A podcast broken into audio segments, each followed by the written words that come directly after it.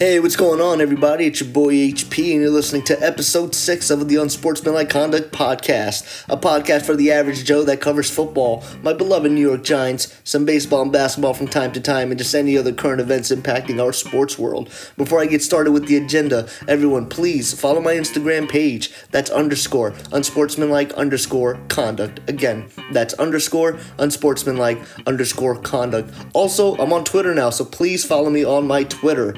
That's underscore unsportsman. Again, that's underscore unsportsman. Also, I just created a new logo, so go check out that logo. I posted on my Instagram page. It's also the avatar for my Twitter page. Please comment on it. Please let me know your feedback. I'm so excited about the logo, so please drop your comments for it. The agenda for today, I'm going to be giving a team by team analysis for the NFC East Division, and then with that analysis, I'm going to be giving a summary of every team's offseason moves, including their NFL draft picks and where I think their strengths and weaknesses are, and then capping that off with a power ranking for the NFC East division. Let's get started, folks. So, the NFC East, you know, for those of you who don't know, the New York Giants play in the NFC East division that includes the Dallas Cowboys, the Philadelphia Eagles, and the Washington Redskins you know, this is a very, very tough division, and, and you know, it's always been competitive. I feel like every single year there has never been a clear cut team where everyone can uh, sort of predict and say that's the team that's going to come out of the division. You know, every single year, maybe with the with the exception of this coming season the last year or two, every other year before then it's always been up in the air. It's always been a to- toss up right? You know some some years the giants look good heading heading into the preseason or the redskins or the eagles or the cowboys. There's never ever been a clear cut dominant team every year that sort of just washes over the NFC East division. You know unlike sort of the AFC East for example where you know the New England Patriots have been that dominant team that dominant force in that division for over a decade I mean, it is up until now where the Buffalo Bills, the New York Jets, and the uh, Miami Dolphins are building up teams that might be somewhat competitive this year. And you know, don't get me wrong, the New York Jets had a small window, a couple of years where they were very competitive and gave the Patriots a good run for their money during that Rex Ryan tenure. But besides that, I mean, you know, it's the, their seasons have been very, very forgettable. The Buffalo Bills have been very forgettable, and the Miami Dolphins have been pretty forgettable. But the NFC East has always been such a competitive division. And, and, and, the, and, the, and the, the most toughest thing about the division is, you know, the Washington Redskins, for example, could have a bad year. But when the New York Giants face the Redskins, that's always going to be a tough matchup. Our division matchups are always more tough than any other division matchups across the NFL right? You look at the, the division with the Steelers, the Ravens, the uh, Cleveland Browns, and the Cincinnati Bengals. Every year, it's usually a toss up between the Steelers and the Baltimore Ravens right? The Bengals are just so inconsistent. There's so much inconsistency with Andy Dalton. They're always suffering some sort of injuries, and they're not always there from a sort of competitive standpoint the way the Steelers and the Ravens are every year in and year out. And as we all know, the Cleveland Browns have been a uh, has, have been a dumpster fire team for so long. It wasn't up until last year where they started to actually get competitive. And now they're actually looked at it as a uh, serious contender heading into this season. So I just feel like across the NFL, there haven't been that many good competitive divisions like the NFC East. Um, and that's why every single year there's just a new team. Well, I wouldn't say new team, but there's a different team that ends up winning that division.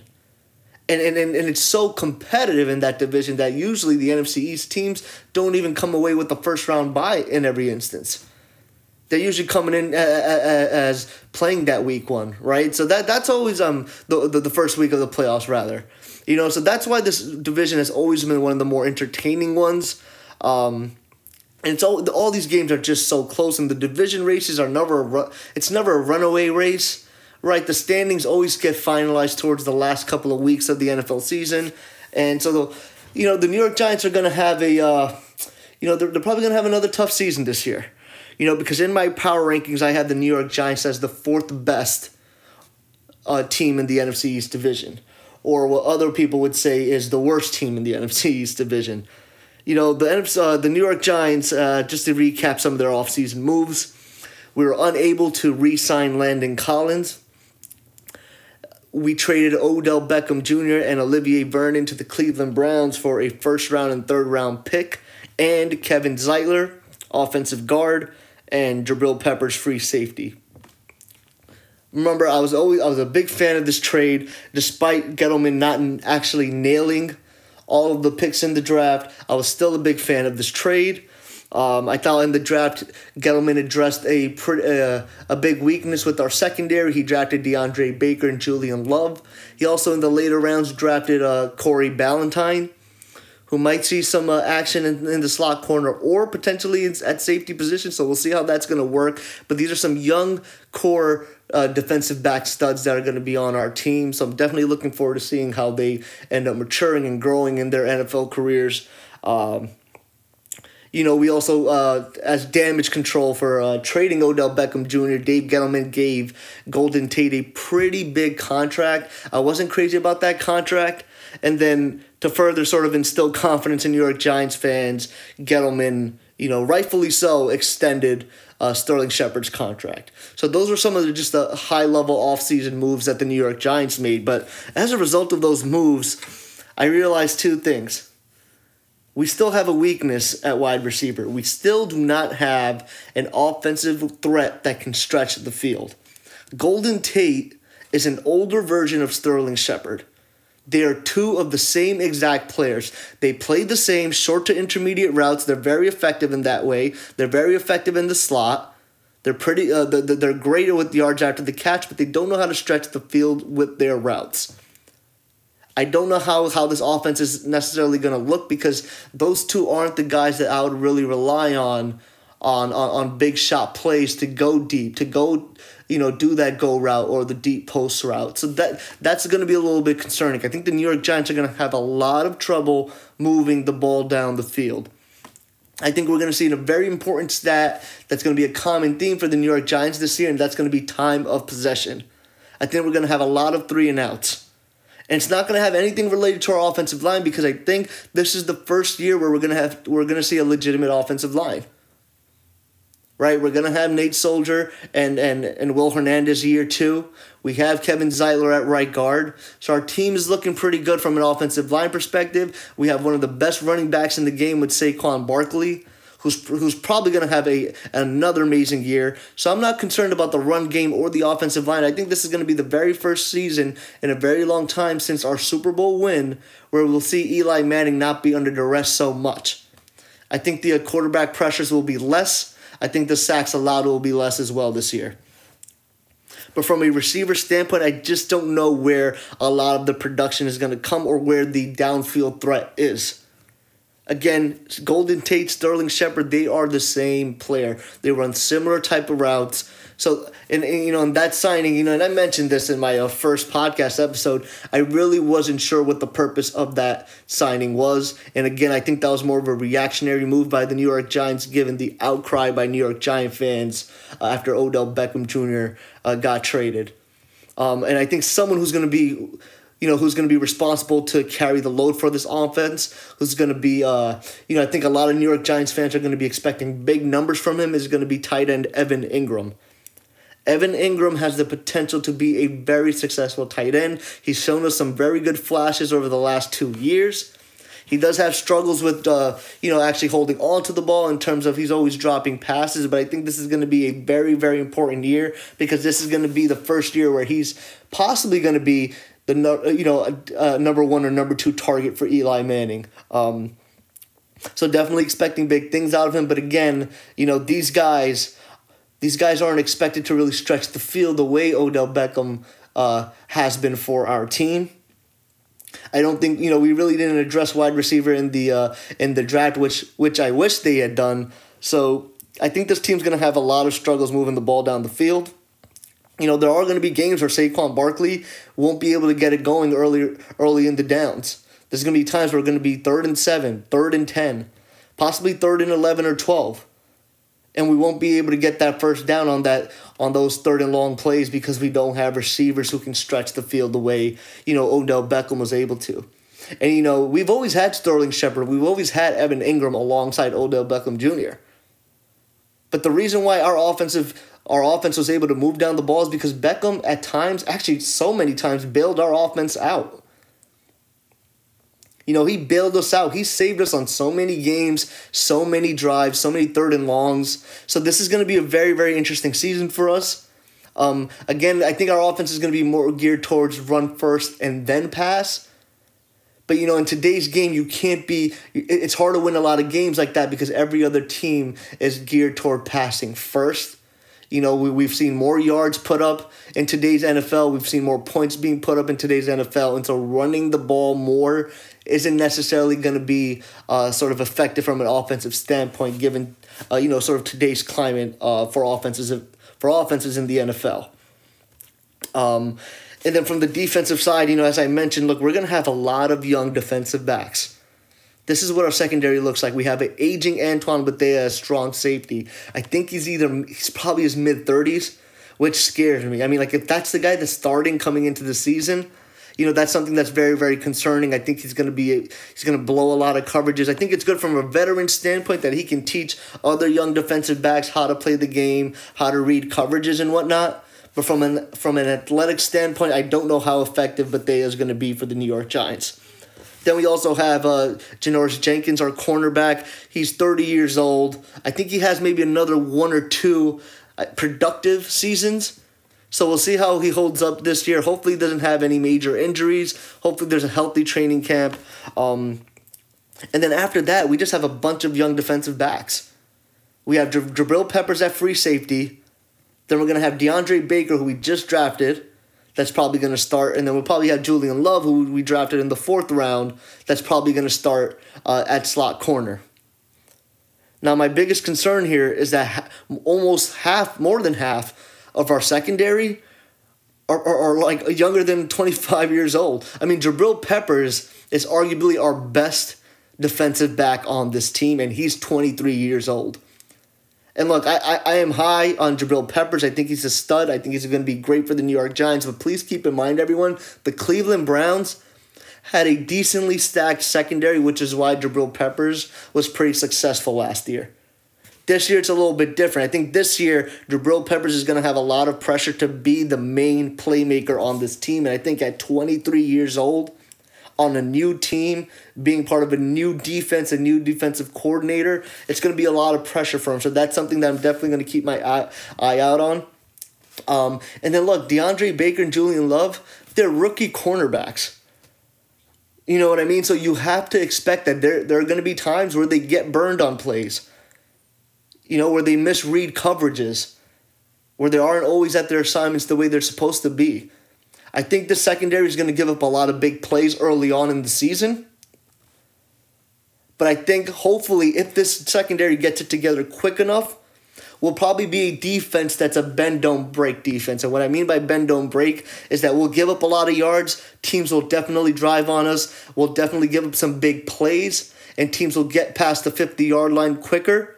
But I think once we get closer to the red zone, our secondary will be able to make some key stops and force teams to kick field goals rather than putting up so many touchdowns. Again, this is really reliant on that secondary coming together, and there's going to be a lot of pressure on those young guys, Julian Love, DeAndre Baker, and Jabril Peppers, to, to you know to, to be on their A game every single Sunday. Those guys are going to be have uh, are going to be you know are going to be forced to you know gel together very very quickly because if not, then that secondary is going to get ripped apart. You know, so that's something definitely to look out for. And then, you know, Dave Gettleman failed to address one of the biggest weaknesses on our defense, which was pass rusher, which is even going to put more pressure on our defensive backs because now our defensive backs are going to have more time. Excuse me, they're going to have more time, not more time, but they're they're going to be forced to defend these receivers for a longer period of time when you have good pass rushers, the, the, the your defensive ends can get to the quarterback quicker, takes the pressure off of your defensive backs, and they don't have to defend receivers for a longer period of time during that snap. But because we don't have a legitimate starting premier pass rusher heading into this season, that concerns me, and I think we're going to get burned on a lot of plays. And I mentioned this earlier. Everyone watch out for this key statistic game in and game, game out It's going to be time of possession. The New York Giants are going to have a lot of three and outs from an offensive perspective. And then from a defensive perspective, I think the opposing offensive teams are going to be able to hold that, hold to the ball longer and drive on us um, on several, several plays. And that's going to put a lot of pressure on Eli Manning because I think, you know, at that point, you know, you're just, you know, at that point, it's like, okay, well, we only have this much time in the half let hopefully we can drive down the ball. You know, maybe Eli Manning may be forced to even throw the ball down the field, but again, we don't have the weapons to do that. We don't have the personnel to do that. So this is going to be a very interesting season. Overall, I think the New York Giants are going to be a competitive team because there's a little bit of pieces here or there that are going to help us remain competitive from both an offense and a defense perspective. But I still think there are holes on this New York Giants team. I don't think this New York Giants team is complete. I still think we're in a rebuilding slash competitive mode, but I don't think this New York Giants team can make it to the playoffs this year. And so, with that said, I think, you know, the New York Giants are probably, you know, the New York Giants, you know, I give their floor six wins. At their worst, they're probably a six and ten team, and then at their best, they're probably eight and eight team. And later, as we get closer to the season, I do want to give a sort of week by week, game by game prediction. I won't do that. I won't necessarily do that now, but I do think that the New York Giants at worst are a six game team, a win team, and then at their best they're an eight and eight team. I think this New York Giants team is an average team that's going to put up a lot of good fights. I think they'll be in some pretty close games for the most part, but then you know, I think they're just going to have trouble getting key stops late in games because we're going to have a very young secondary out there. And we don't have a pass rusher. We don't have a front seven that can get to the quarterback. Look, I like my linebackers, but I don't know. I don't think our, outside linebackers are primed to get to the quarterback in that 3 4 team structure. I do think with the addition of Dexter Lawrence, um, I, I think we'll be more effective in the run game. You know, when we traded away Snacks Harrison last year, uh, midseason last year to the, to the uh, Detroit Lions, our run defense digressed. It dropped, it declined. It was they were running through the tackles. Excuse me, not the tackles. They were running in between the uh, the guards, man. We weren't even getting beat on sweep plays. It was in between the linemen. But I think with the addition of Dexter Lawrence, that clogs up the, the, the holes a little bit. So I think we'll be a little bit more effective on the run in the run defense. And maybe that might help us out because maybe it may force teams to pass a bit more, make them a little bit more one dimensional. So that may help us out. So we'll see how that goes. It's obviously a uh, you know uh, a wait and see moment for all New York Giants fans. I hope New York Giants fans aren't upset at me for having such a low such low expectations for them but this is probably the first season in a very long time where I don't think we're going to make it to the playoffs. A lot of my close friends, some people that I've worked with in the past, if they're listening to this, they'll agree with me. Every single offseason I've said, I think the New York Giants are going to make it to the playoffs. And this is despite having a good offensive line because I always thought, well, the New York Giants always remained somewhat competitive without giving Eli Manning a offensive line now that we do have an offensive line, there's other pieces on this defense or on this team rather that aren't complete. The units aren't complete enough to day uh, week in and week out provide a, a competitive product out there and win enough games. Um, I think it's going to be a long season. It may even be a slow season. I think it starts off very very slow, and then we probably might end up winning games. Start you know gaining some sort of momentum, probably in the middle to late part of uh, of the season. And then with the third ranking of the NFC East, the third best team in the NFC East, I have to give it to the Washington Redskins. The Washington Redskins, the only reason why I don't have the Washington Redskins as probably the number two best team in the NFC East division is because of their offense. So as as everyone knows, the New York Giants didn't re-sign Landon Collins, but the Redskins picked up Landon Collins. Landon Collins is a stud. He's always been the best player on the New York Giants when he played for them. He's going to do some amazing things for the Washington Redskins. I thought that was the, the most perfect signing for the Redskins this offseason, given that they were pretty slim in the secondary. I still think they are.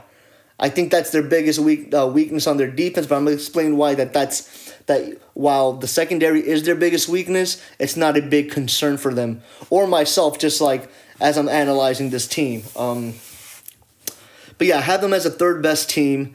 Uh, and the reason why I don't have them as a second best team in the NFC East division is because I'm very iffy on their offense.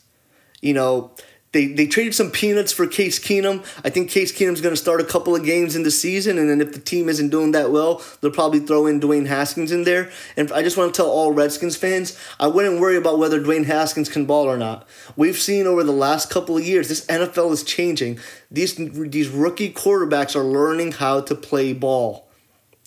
They're picking up NFL offenses quickly. They're able to read defenses more quickly. It is way, way more different than it was, you know, earlier when I used to start, when I started watching football 10, 10 12, 13 years ago. These rookies are coming in out uh, immediately, making immediate impacts, having great games. You know, like teams are able to like, quickly identify that yes, this quarterback is working out. It's this quarterback's going to be the cornerstone of our offense.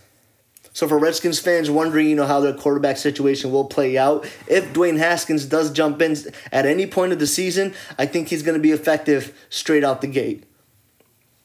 Maybe he may not have the greatest first game or so, but I think he's going to do just fine because, it, you know, we're seeing it now, man. We've seen it with the quarterback class last year. We're seeing it with Deshaun Watson.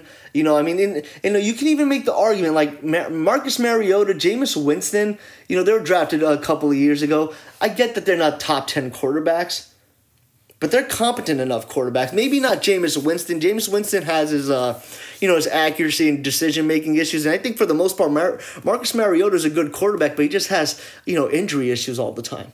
And I never thought the Tennessee Titans really gave him a, a good enough chance with enough offensive weapons. Delanie Walker's obviously a great tight end, but like Corey Davis to me, like your best wide receiver option shouldn't be a burner. And that's what to me Corey Davis essentially is. So I think, you know, with the addition of AJ Brown, you know, we, we may even end up seeing Marcus Mariota have a good bounce back season. But that's the that's that's besides the point. I want to go back to the uh, Washington Redskins. The Washington Redskins, their offense is just a little iffy, and I think they're gonna have a lot of trouble scoring points this season. There's a big question mark with their backfield and, and running backs. They still have Adrian Peterson, who's a year older now. He's not fast and explosive as he once was. And I think there's still a big question mark on Darius Guice. I am I'm, you know, correct me if I'm wrong, but I don't think Darius Guice is is uh, clear to play yet. I don't know if, if, if he's geared towards uh, heading into training camp or not. I think there's still a question mark on it. I could be wrong, but I, st- I still think he's uh, recovering from the injury. And then they have Chris Thompson, who Chris Thompson's your typical RB2, RB3. He's your second, third string running back. So they don't have a legitimate lead back right now who can get 15 to 20 carries a game. Again, I like Darius Guice, but I don't know what his health his health his injury situation looks like right now. So that's a big concern for me and should be for the Washington Redskins. Also at wide receiver, who are they going to throw the ball to? I mean, look, they don't even want to extend Josh Doctson. I think I read the other day that they don't want to extend him. They don't want to exercise his fifth year option. And then they have Jordan Reed. But for me, you know, personally, from an offense, offensive perspective, I think tight ends are very, very important in a team's offense, but they shouldn't be your best receiving option. And let's be honest, Jordan Reed hasn't had a good year in probably the last two to three years. He hasn't been that uh, that tight end threat that he once was when he first started his career with the Washington Redskins. So I think receiving options are going to be a big question mark for the Washington Redskins. They did just draft a uh, rookie wide receiver out of Ohio State, Terry McLaurin, who's supposed to be a really good receiver. He's pretty fast, they say. You know, a lot of people are pretty uh, excited for him. You know, I was talking to a lot of people, you know, on Instagram, just ex- exchanging comments and messages, and people are really high on Terry McLaurin. And I think overall, a lot of Redskins fans think that they've done really, really well in this year's draft. Um, but again, he's a rookie wide receiver. If that's your best guy, if that's the guy you're relying on coming into this season to make plays for you, I mean that that that is a big question mark. Right? They have a lot of these like second, third string wide receivers. You know, they have Jamison Crowder as well. I mean, they just have a lot of uncertainty at that position that that it just makes me wonder how are they going to move the ball down the field. And I was very, I was pretty critical of the offense for the New York Giants, but at least the New York Giants have a top three running back in the NFL. At least the New York Giants have Sterling Shepard and Evan Engram and, and, and Golden Tate, which right now is a better receiving group than what the Washington Redskins have. And honestly, right now, I would take Eli Manning over Case Keenum and Dwayne Haskins. So I think from an offensive standpoint, the Redskins aren't going to put up a lot of points. But you know what? Their defense is going to keep them in almost every single game because their front seven is just so stacked with all of these studs. I can, man, this team is going to be so good from a defensive standpoint.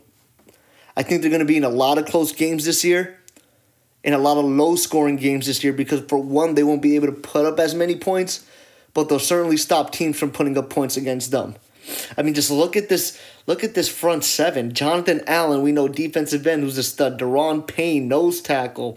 You know Ryan Ryan Anderson, linebacker. Mason Foster, Reuben Foster, Ryan Kerrigan. I mean, this front seven is just so stacked. And not to mention the you know the million dollar man, right? The guy that I've been mentioning since I started this podcast. They drafted Montez Sweat like like this front seven is just so stacked, and don't be surprised to see to see this Redskins team be top five in quarterback hurries and top ten in sacks. This team is going to stop the run. They're going to stuff the run, and they're going to get to the quarterback very very quickly. You know, and I think I mentioned earlier in, in the segment when I was talking about the Redskins that their secondary is pretty thin. But you know what? Their secondary doesn't need to be that stacked because they have such a great, formidable formidable front seven that's going to get to the quarterback. A lot of pressure is going to be taken off of guys like Josh Norman and Landon Collins to defend the pass because they're going to be able to get to the quarterback quicker than most teams in the NFL. This is a top 10 defense because that front seven is just so adequately put together. I look at this defense and I just wish the New York Giants had something similar to this. Just this makeup is just it, it is really really good. And you know, we, we've seen it last year. The Redskins defense had a good defense last year. They played some really good ball last year. And I think this year we're just we're gonna see it again, but they're gonna even be even better. They're gonna be even better. And man, the Redskins fans should be excited to see this defense again. And you know, my my my, my prediction for them is that, you know, at, at worst, they'll probably be a seven win team, and then I think at best they could win ten games. I think the, the difference between being seven and uh, seven and nine and ten and six is that that defense ends up winning them a couple of more games. Either they get key stops late in games, or the defense keeps them late in games where the offense is able to get that late drive field goal or that late uh, score touchdown. So this Redskins team is going to be tough to score against. You know, and I definitely think from a perspective, the New York Giants are playing them. You know, hopefully our offensive line holds up because with that the way that front seven is built, there are so many ways you can scheme blitzes, trick offenses. I mean, you know, I wouldn't be surprised if Eli Manning throws a crap ton of interceptions or even fumbles the ball in the pocket against this front seven this coming season. This Redskin defense looks serious, and you know what? I'm gonna go out on a limb and say this Redskins defense is the best defense in the NFC East division. Again, I was just very hesitant to put them as the second best team in this division because I think their offense is going to cause them a lot of trouble. I think they have the worst offense in this division. The reason why the New York Giants are fourth in the division is because I don't think any of their units are complete. I still think there's some holes in each group position on the New York Giants. It was just way too hard for me to say that they're better than the Redskins because this defense it's potentially a top five. And then the second ranked team, the second best team in the NFC East division, is the Philadelphia Eagles. And you know, Howie Roseman, man, he's probably one of the more better general managers that we have in, in, in, in the NFL. Because I feel like every year he just finds a way to continuously make this Philadelphia Eagles team competitive. He always makes the right moves to address the right positions. And I think it's been a couple of years since this team's had a very big weakness that sort of make or breaks whether they can remain competitive or make it to the playoffs. That's why this team has just been really, really good for the last couple of years. You know, I mean, let, let, let's go through some of his offseason moves. I think the Eagles had the best offseason in the NFC East division once again because Howie Roseman is just he's the man at just like addressing and continually to build this team, doing the right moves, the right transactions to make sure that the Eagles do not stay still, which I feel like a lot of other teams fall victim to, but the Eagles do not. Right, they they addressed the you know they wanted to add some depth to that secondary, so they signed safety Andrew Sendejo right? They re, they they signed Vinnie Curry. They re-signed Brandon Graham, who's one of their key pass rushers. You know, when they lost Jordan Hicks, one of their good linebackers, they signed L.J. Fort, who's a pretty effective linebacker for the uh, for the uh, Pittsburgh Steelers. Then they just recently signed Zach Brown, who was previously on the Redskins. Zach Brown is an effective, productive linebacker, and he's going to do some good things for the Philadelphia Eagles. They also signed Malik Jackson. Right, so they did some really good things for that defense to make sure it's still competitive. You know, I think the defense is getting a little older from a from a front seven standpoint, or uh, you know, or definitely from their uh, defensive line standpoint, because Vinny uh, Vinny Curry and Brandon Graham and Malik Jackson, I think they're all either thirty or older, but they're still really good players. They're still productive players.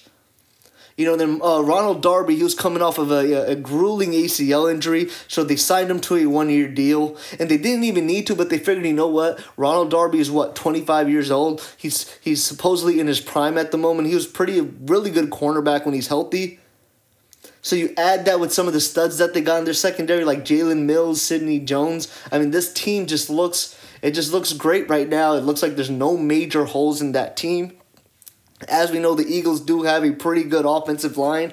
Um, you know, Jason Peters is almost hitting forty years old. So you know what they do with the with the with one of their draft picks? They get Andre Dillard because they know this is probably Jason Peters' last year, and so to to fill in that void, they got Andre Dillard, who's going to be a great offensive lineman for the Philadelphia Eagles, and then to bolster up that offense, they uh then they, they not only signed DeSean Jackson, but then they traded peanuts for Jordan Howard. And it all makes sense because Jordan Howard is on his contract year with the Philadelphia Eagles, and they were able to trade uh, late round picks for him. And what they did to make sure to get some sort of security and insurance for not being able to sign to re-sign Jordan Howard, and they'll also probably lose Wendell Smallwood, who's one of their uh, their backup running backs. They end up drafting uh, Miles Sander, running back from Penn State, in the uh, in, in round two of the NFL draft. And some of the receivers are getting pretty old too, like Alshon Jeffery, you know, Nelson Agholor, uh, not Nelson Aguilar, but DeSean Jackson.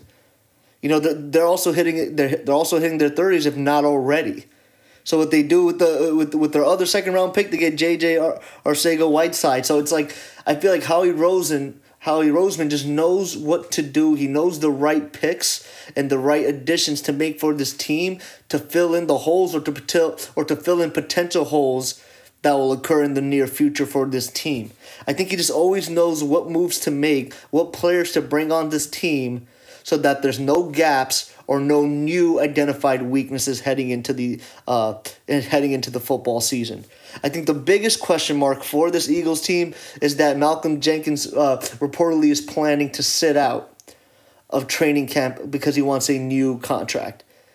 I guess he's seen the contract that Landon Collins got, and I think he's he you know the expectation is that he wants to get big big money. And you know, look, let's be honest, I think he deserves it.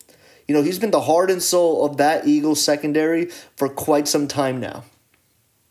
I think he deserves the you know the money that he's asking for. I mean, I think age is definitely consideration, so there has to be some sort of right balance with those contract negotiations. But I think that's the biggest question mark heading into the season. So we'll see how that plays out because I think that'll be definitely a big blow to the Eagles defense if Malcolm Jenkins decides that he's just going to sit out and do sort of a Le'Veon Bell or maybe force his way out of, of a Philadelphia like uh, Antonio Brown did um, if he's not just happy with the situation or his contract. So we'll see how that's going to play out.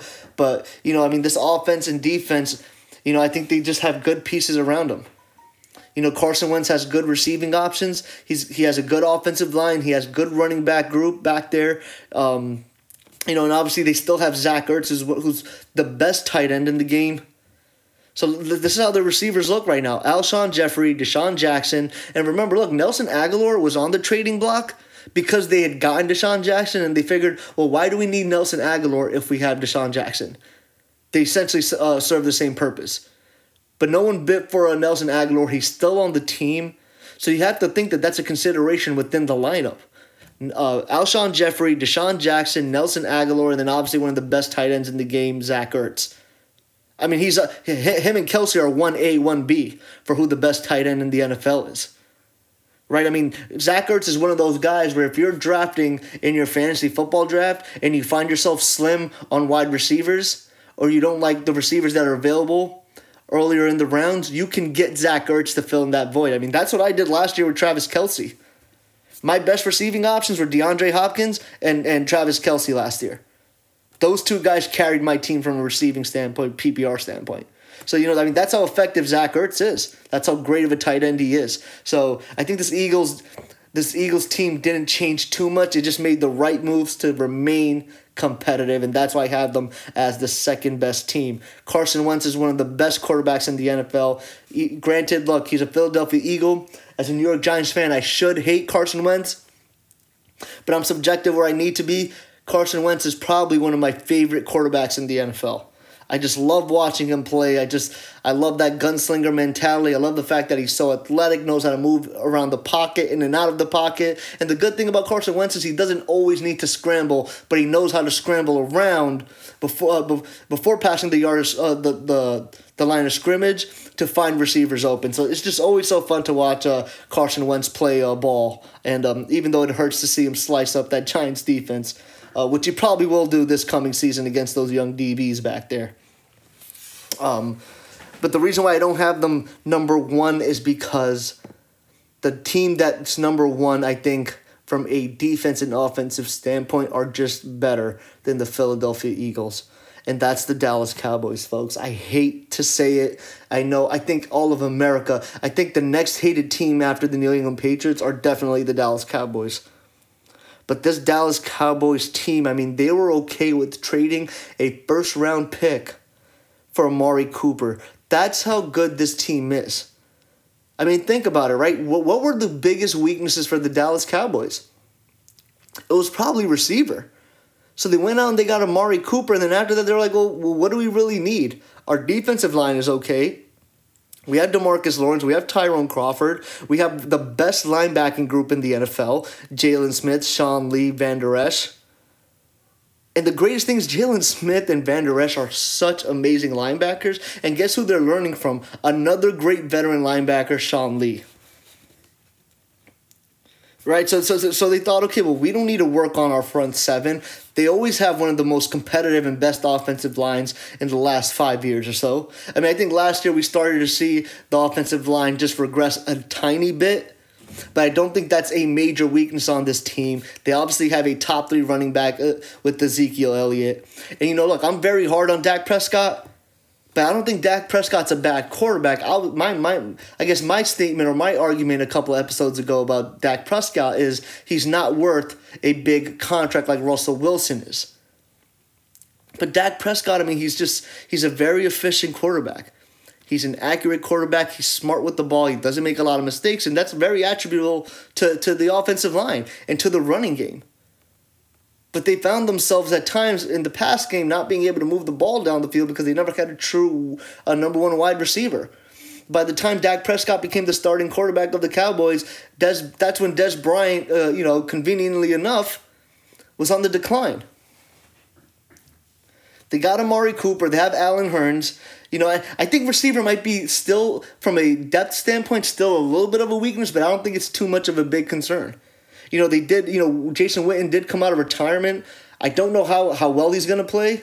Uh, he's been a year away from football, and even his last year with the Dallas Cowboys wasn't the most effective and greatest season. But we'll, you know, we'll see how that turns out. And, you know, the Dallas Cowboys, uh, you know, the New York Giants sort of modeled what the Dallas Cowboys did over the last couple of years. Is they drafted all of these young DBs they let them play. They let them get exposure. They let them make mistakes and learn. And now, you know, their secondary's looking pretty good too. I mean, they're stacked back there. Chidobe Awuzie, Jeff Heath, Xavier Woods, Byron Jones, Jourdan Lewis. I mean, that, that right there, that whole setup that the Dallas Cowboys had to rebuild that secondary is essentially what I hope turns out and works out for the New York Giants with Jabril Peppers back there, free safety, with DeAndre Baker as our lockdown corner, and then Jordan, uh, uh, excuse me, Jourdan Lewis, and then Julian Love as our nickel corner or our slot corner. And actually, you know what? I wouldn't even mind if they moved him to safety. Uh, David Gettleman actually came out saying uh, earlier this week that he thinks uh, Julian Love is a could be suited for a safety, and we may end up seeing him uh, replace Antoine Bethea later in the season, which I'm all for. We also drafted Corey Ballentine later in the in the round. It could have been either in the uh, right after the Julian Love pick. I forgot exactly where we drafted Corey Ballentine. That's the cornerback that ended up being in that uh, incident uh, where he ended up getting shot. But thankfully, you know he's okay. His family's okay, and uh, you know the injury suffered from that isn't too serious. He should be. I think you know he won't be part of the rookie training camp, but he will be part of I think the regular training camp. So um, we definitely have a lot of young guys in the back, eh, you know, in the secondary to play around with, similarly to how the Cowboys rebuilt that secondary. So I think from the front seven standpoint, all the way back, they rebuilt this team from the front, from starting from their line all the way to the secondary. And it's just a very even, you know, spread out talent wise team from an offense and defensive standpoint. And that's why it just made so much sense. Like that's why the Dallas Cowboys didn't have a first round pick. That's why they're okay with it because they knew they needed to get a stud wide receiver in to help Del- to help Dak Prescott move the ball down the field. I mean, think about it. I, you know, similarly to the Eagles, I, I, I sit back and think, what's a big weakness for the Dallas Cowboys that's going to make or break whether they win games whether they make it to the playoffs or not. They made a pretty good, decent run. They were very close against the Rams. They were very close to beating the Los Angeles Rams. But it was just a couple of boneheaded plays, a couple of mistakes by Dak Prescott, which prevented them from winning that game. But they were very, very close to doing so. You know, I mean, this team, you know, I hate to say it, it you know, I think they're going to give a run, uh, you know, the Rams and the Saints a run for their money. You know, look for this team to be one of the top teams in the NFC conference. And don't be surprised to see them make a deeper playoff push. I'm talking about championship round. This Cowboys team is finally a fully developed, built team.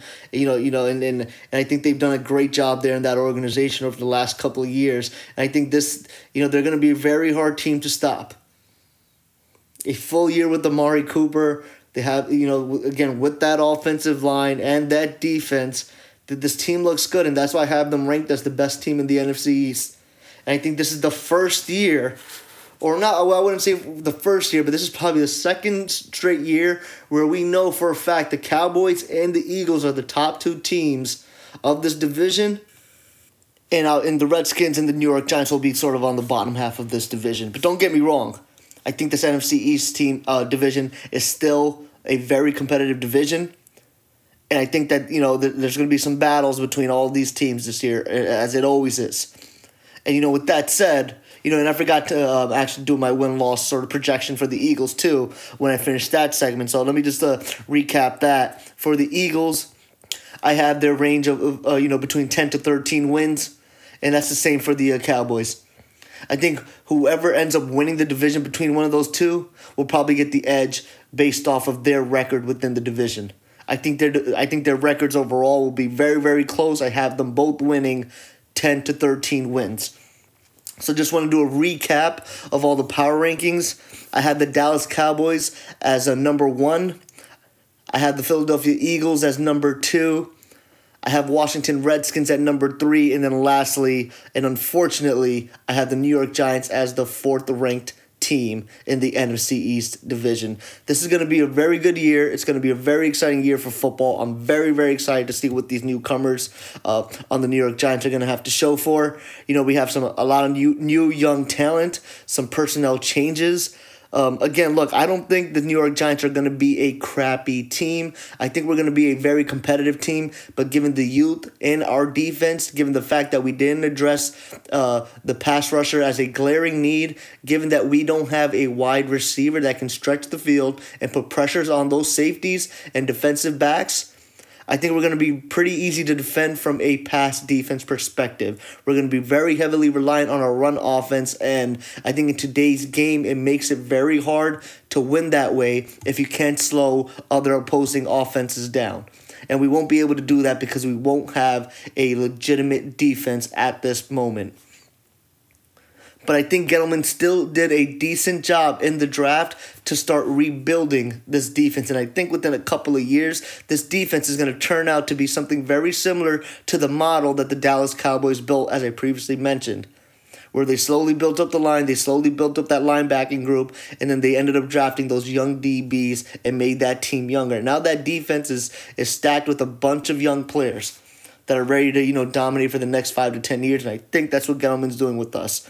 So I just want to say that before you know New York Giants, you know New York Giant fans leave this podcast episode upset at me and bitter about the fact that I don't have that much trust or faith uh, in in my team this coming season. And guys, that that about wraps it up. Thanks for tuning in. Thanks for listening. I appreciate it so much. Everyone, please follow my Instagram page. That's underscore unsportsmanlike underscore conduct. I'm also on Twitter now, so please follow me. That's underscore unsportsman. You should be able to find me on Twitter. Also, please, if you're listening to this and you're finished listening to this, you might as well subscribe. So please subscribe to this episode. Drop your comments, drop your feedback. It's always appreciated. Peace out. The podcast you just heard was made using Anchor. Ever thought about making your own podcast? Anchor makes it really easy for anyone to get started. It's a one stop shop for recording, hosting, and distributing podcasts. Best of all, it's 100% free. Sign up now at anchor.fm slash new. That's anchor.fm slash new to get started.